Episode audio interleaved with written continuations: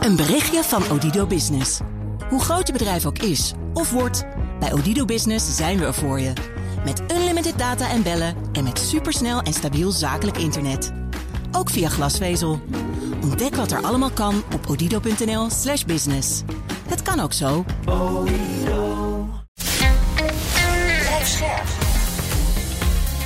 BNR Nieuwsradio. Boekenstein en de Wijk. Hugo Reitsma. Welkom bij Boekenstein en de Wijk. Het is vrijdag, dag 415 van de oorlog in Oekraïne. En ik zal zelf maar even Bachmoed doen, want Rob die wordt er een beetje moe van. Ik was echt moe. al, ja. Bachmoed. Het is weer iedere keer hetzelfde. De Dus Russische aanvallen daar eh, te zijn melden. verder opgevoerd, zegt het Britse ministerie van Defensie vandaag na verbeterde samenwerking tussen de Wagnergroep en het reguliere leger. Het Oekraïnse leger heeft steeds meer problemen met de bevoorrading. Zit nog wel in het westen van die stad en trekt zich beetje bij beetje terug. Weet dat Ja. in ordelijke wijze in elk Ja. geval te doen. Ja, ja exact. Nou ja, die Wagner doet, eh, doet het vuile werk en ze worden nu aangevuld met reguliere strijdkrachten. Dat is al een tijdje zo hoor. Zo, eh, ja, eh, ja, Hugo, niet echt nieuws dus. maar, eh, maar wel waar. Oké. Wel waar. 67% Ja, is in handen van de Russen. Van- Eh, ja, kijk, weet je wat ik wel interessant vind, is dat er eh, eigenlijk in toenemende mate eh, komen er ook beelden vrij van al die fortificaties eh, die de Russen aan het bouwen zijn. En, eh, ja, en nu bij de Krim. Eigenlijk bouwen ze fortificaties rond dat, eh, eh, langs dat hele front. Mhm. In het, eh, in het zuiden en in het oosten. Maar wat je nu ziet is dat er fortificaties worden gebouwd. En, eh, en, en, en ja, de toegang wordt geblokkeerd tot, eh, tot delen van de haven. Eh, er worden overal, eh, zie je in de dorpjes ro- rond de Krim, zeker waar de aansluiting is eh, met het eh, vasteland, zie je dat er enorme fortificaties worden gebouwd. Dat is wel echt interessant. Ehm, eh, want dat betekent dus dat die, dat die Russen dus denken eh, dat eh, Oekraïne de Krim als hoofdprijs ziet. En dat is natuurlijk ook zo. Maar je moet je ook realiseren, dit is de tweede lijn van verdediging. De eerste lijn die zit honderden kilometers naar, het, naar het noorden toe. waar langs het hele front fortificaties worden gebouwd. Maar dit is wel echt interessant. En ze zijn ook wel bang hoor. Want als je er gewoon kijkt wat er de afgelopen tijd is eh, gebeurd. Hè. Er zijn droneaanvallen geweest. Dat begon eigenlijk al in, in juli. Oktober is het, eh, is het gebeurd. Eh, wat we toen hebben gezien na oktober is dat fregatten en onderzeeboten. Die hebben een nieuwe locatie gekregen. Dus ze zijn echt bang dat die, eh, eh, die Oekraïners met lange afstandswapens eh, de Krim aanvallen. Dus die fregatten en die onderzeeboten waren dan niet meer veilig.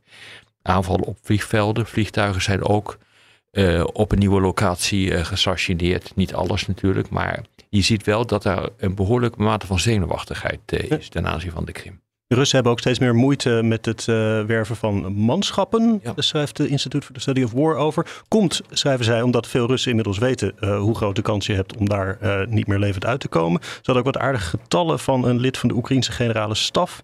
Dat bijvoorbeeld de Volgograd en Saratov Oblast in Rusland, dat die maar 7% en een andere eh, provincie, zeg maar, maar 14% van het aantal recruten heeft weten bij elkaar te vegen. Nou ja, dat, dat, eh, dat blijkt ook wel. Want eh, wat er de afgelopen week is gebeurd, is dat ze dus een systeem hebben bedacht om nu mensen ook elektronisch te kunnen oproepen. Dus er wordt automatisch wordt een, een bak gegenereerd, een digitale bak gegenereerd waarin recruten zitten. En als je in die bak zit, dan eh, mag je het land niet meer verlaten, mag je maar, maar je mag zelfs niet auto rijden op dat moment. Eh, dus je wordt echt gewoon eh, gedwongen om te komen. Kom je niet, dan heb je echt een gigantisch probleem. En in de oude situatie was het zo eh, dat een functionaris jou de oproep persoonlijk moest Ja. overgeven. Eh, en dat is niet meer zo. Dus op het moment dat je in die bak zit en je de, ehm, dan word je geacht eh, de oproep ook te krijgen. En dan kan je geen kant meer op. Dus Of je nou wel of niet hebt aangenomen. Schuilhouden op je Dacia Ja. en er zo eh, aan ontkomen. Ja, dit is een soort eh, crypto-mobilisatie die nu aan de gang is. eh, om er toch voor te zorgen dat je voldoende recruten hebt. En dat betekent ook, jongens, cryptomobilisatie is eigenlijk ook gewone mobilisatie. Hè? Tuurlijk. En dat betek- betekent dus dat de centrifugale krachten zullen toenemen. Heel veel mensen. This is Putin's war of choice. Nou ja, en dat, jij dat- zit niet te springen, Hugo, om daar dan eh, jouw vlees aan te bieden. Ja, er zijn natuurlijk verschillende problemen. Eh, in de eerste plaats is het nog onvoldoende op dit ogenblik. Ja. En ook al zou het voldoende zijn in termen van mankracht, dan is de industriële basis of de defensie-industriële basis Smal. moet je zeggen, die is te smal om dit, Ja. om dit te kunnen dragen. En wat je tegelijkertijd ook ziet, en, eh, en dat is kennelijk om op korte termijn een, eh, een, een oplossing voor dit probleem te krijgen, is dat bedrijf als Gazprom nu een eigen privélegertjes eh, gaan, eh, eh, gaan oprichten. die worden ook betaald. Ja, en Ja. die krijgen pakweg iets van, nou wat zal het zijn, rond de 5000 euro, iets minder per maand. En dat is natuurlijk een enorme eh, beloning eh, als je vergelijkt met eh, dienstplichtigen die niet mogen worden ingezet voor deze strijd. Hè, dus de- dit is wel een. De Russen zitten wel met een probleem. Hm. Ze zitten met een probleem eh, om aan man, mankrachten te komen. Ze hebben een probleem met een defensie-industriële basis. We hebben op basis van die, eh, die gelekte documenten hebben al geconstateerd dat Oekraïne ook een geweldig probleem heeft. Ja. Ehm, waar de Amerikanen zeggen van nou wij schatten de kans dat Oekraïne met een groot succes kan doorstoten en grote gebieden kan terugveroveren. Dat schatten we niet hoog in. Maar tegelijkertijd moet je ook constateren dat de Russen natuurlijk ook met geweldige problemen zitten. Dus de, degene met de minst geweldige problemen, Ja. eh, die kan waarschijnlijk het meeste succes boeken. Over dat lek gesproken, daar is dus nu een eh, verdachte van opgepakt. En Zeker. het bijzondere daaraan was eigenlijk dat dat niet een hele bijzondere man was, maar gewoon een of ander gastje. 21 jaar met een engelgezichtje. en een jongen, dit is ook een christen, zeer godsvruchtig jong man. En die heeft dus tijdens de COVID-tijd met allemaal vriendjes lopen praten. Maar die vriendjes zaten ook in de Oekraïne en ook in Rusland en elders. Eh, en hij is, schijnt dus geen klokkenluider te zijn. Maar hij schijnt dus iemand die vond het het goed om de andere jongens op te voeden over welke gevaren zich in de wereld allemaal aandient. Hm. Nou, daar komt bij dat hij dus ra- racist is, dat hij antisemiet is, dat hij een anti-government rant is, government overreach, weet je wel. Dat is zo- zo- zo'n libertariër is het ook. Het is een ongelooflijk verhaal. Ja, en weet je, hij, hij, hij was dus de leider van een, een, een soort gaminggroep. Ja. eh, op, een, eh, op een sociaal platform eh, genaamd Discord. En die, die groep die heette Tuck Shaker Central. Ja. Eh, en het is dus opgelood naar die, eh, naar die groepen. Dat we, daar zaten types in die zich buitengewoon geïnteresseerden voor allerlei militaria, militaria, eh wapenenthousiasten waren dat. Maar ook gamen gezellig. En het idee was dat ze op grond van deze informatie die vent toespeelde, die Texera, veel meer discussies konden hebben over eh, ja, hoe kun je ook bijvoorbeeld games realistischer eh, maken. Ja, het is niet te geloven dat Nee. dat gebeurt. Ja.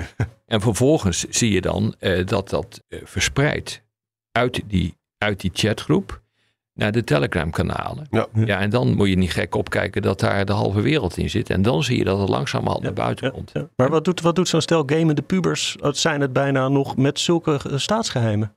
Nou, ik heb ook de indruk eh, dat, die, eh, dat die Jack eh, Teixeira eh, zichzelf ook wel belangrijk wilde maken. Want ik, wat ik daarvan gezien heb, is dat het ook een type was die heel veel afkortingen gebruikte, moeilijke woorden gebruikte. Nou, dat is meestal foute.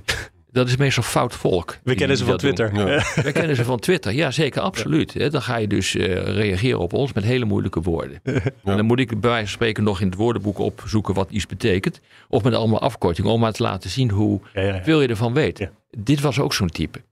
En het interessante is ook, hij was ICT-mannetje, 21 jaar bij die, bij, de, bij die geheime dienst, waar, waar die zat bij de Nationale Garde. Hè? En, Het eh, 100, 102e ja, Intelligence Wing. ja, precies. Ja. Ja. En dat betekent dus, je hebt dus, dat soort mensen heb je nodig, want, het- want die communicatie moet natuurlijk allemaal doorgaan, dat mag niet plat gaan en zo. En hij had eh, toch toegang tot behoorlijk wat stukken. Niet de top secret stokken, maar wel de secret. Ja, nee, maar Top Secret zat er ook aan. Ik heb een aantal van die dingen gezien, net zoals heel veel mensen, stond gewoon Top Secret op. Dat hij En de- ook. ik- ja, en dat, ik vind dat verbijsterend. Ja. Ik vind het echt verbijsterend dat iemand met een rang van eigenlijk corporaal, want dat Ja. zoiets is het. Dus dat, eh, nou, ik denk dat zijn moeder heel blij met hem was, maar eh, dat, dan sta je wel eh, onderaan eh, de militaire voedselketen, om het maar zo te zeggen.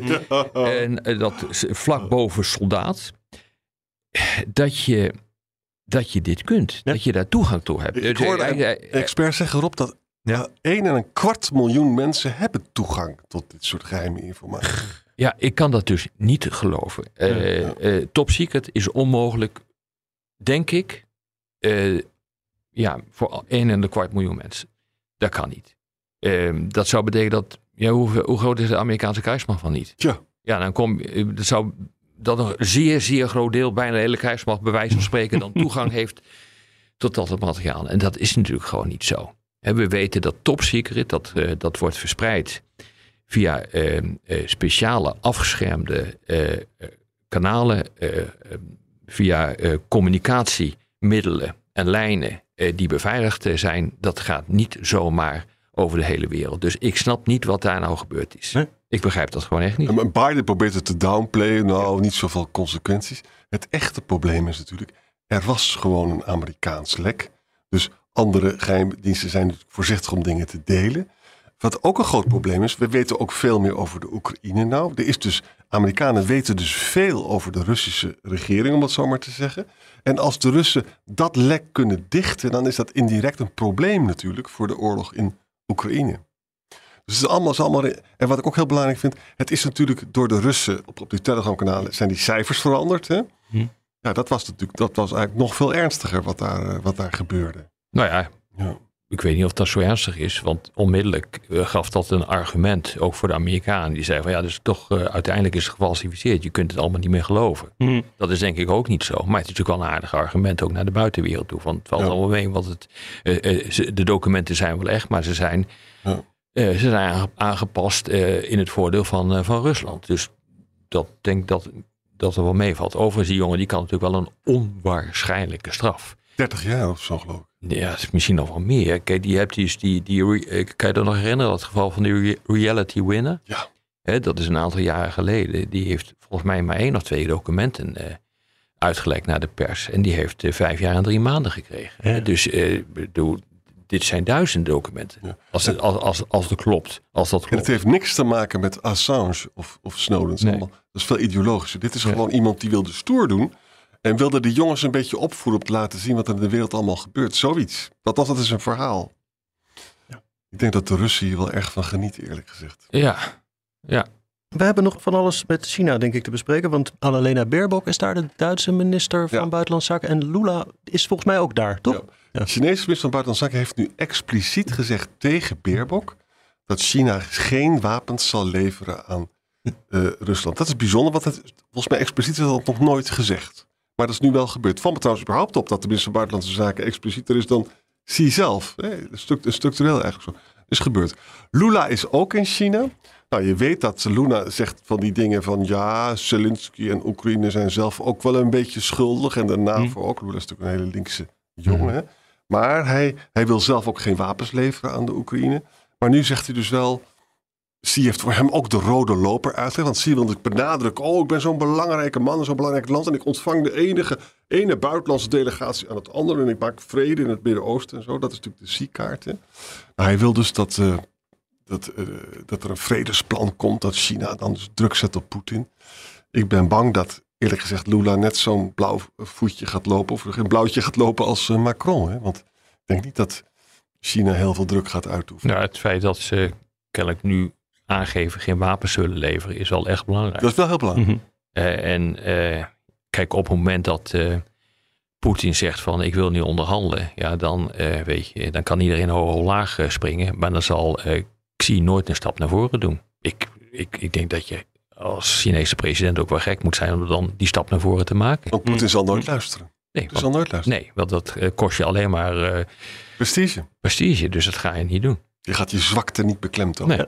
Tot slot, Rob, wilde jij nog eventjes aandacht besteden aan de Noord-Koreanen? Want die hadden weer een rakettest uitgevoerd, maar dat doen ze de hele tijd. Dus wat ja, maakt deze zo bijzonder? een aardig uh, speciale rakettest. Kijk, die, die Noord-Koreanen, interessant hè? Ik bedoel, continu worden ze onder druk gezet, sanctie na sanctie. En je ziet dat toch die Noord-Koreanen in staat zijn om een raket te ontwikkelen waarmee je Amerika kunt eh, mhm. bereiken. Hè? En nu werd er ook weer gezet met deze nieuwe lancering. En de, onze toorn zal verschrikkelijk zijn als jullie, enzovoort, mm. enzovoort. Het gaat natuurlijk uh, het gaat gepaard met een enorme hoeveelheid uh, retoriek. Moet volgens mij echt iets te maken hebben met ook uh, de perceptie van de vermeende zwakte van, van van de Verenigde Staten op dit hm. ogenblik. En aan hoe, meer, aan hoe meer kanten Amerika wordt aangevallen, hoe, hoe beter het is voor hm. een aantal landen, zoals Rusland, China, Noord-Korea, ga zo maar door, hm. maar Iran ook. Maar het belangrijke van deze test is dat het een test is, de eerste test is voor zover we weten, met een uh, raket die van vaste brandstof is voorzien. Dus normaal gesproken zitten daar eh, tot nu toe eh, vloeibare brandstoffen in. Hm. Eh, dat zijn eh, raketten eh, die, eh, die ver kunnen komen. Eh, maar met een vaste brandstof, dat gaat namelijk in één klap gaat dat af. Daar valt ook niks aan bij te regelen.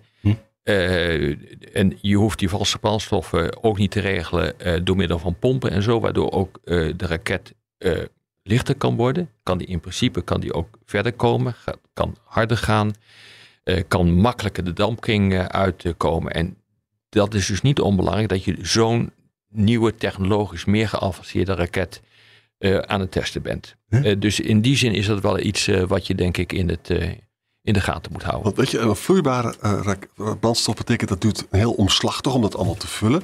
Een raket met vaste brandstof heeft dus minder voorbereidingstijd nodig om gelanceerd te ja. worden. Kunnen dus gewoon sneller worden afgevuurd. Dat maakt het ook moeilijker voor een doelwit om zich te verweren tegen de aankomende raket. Ja.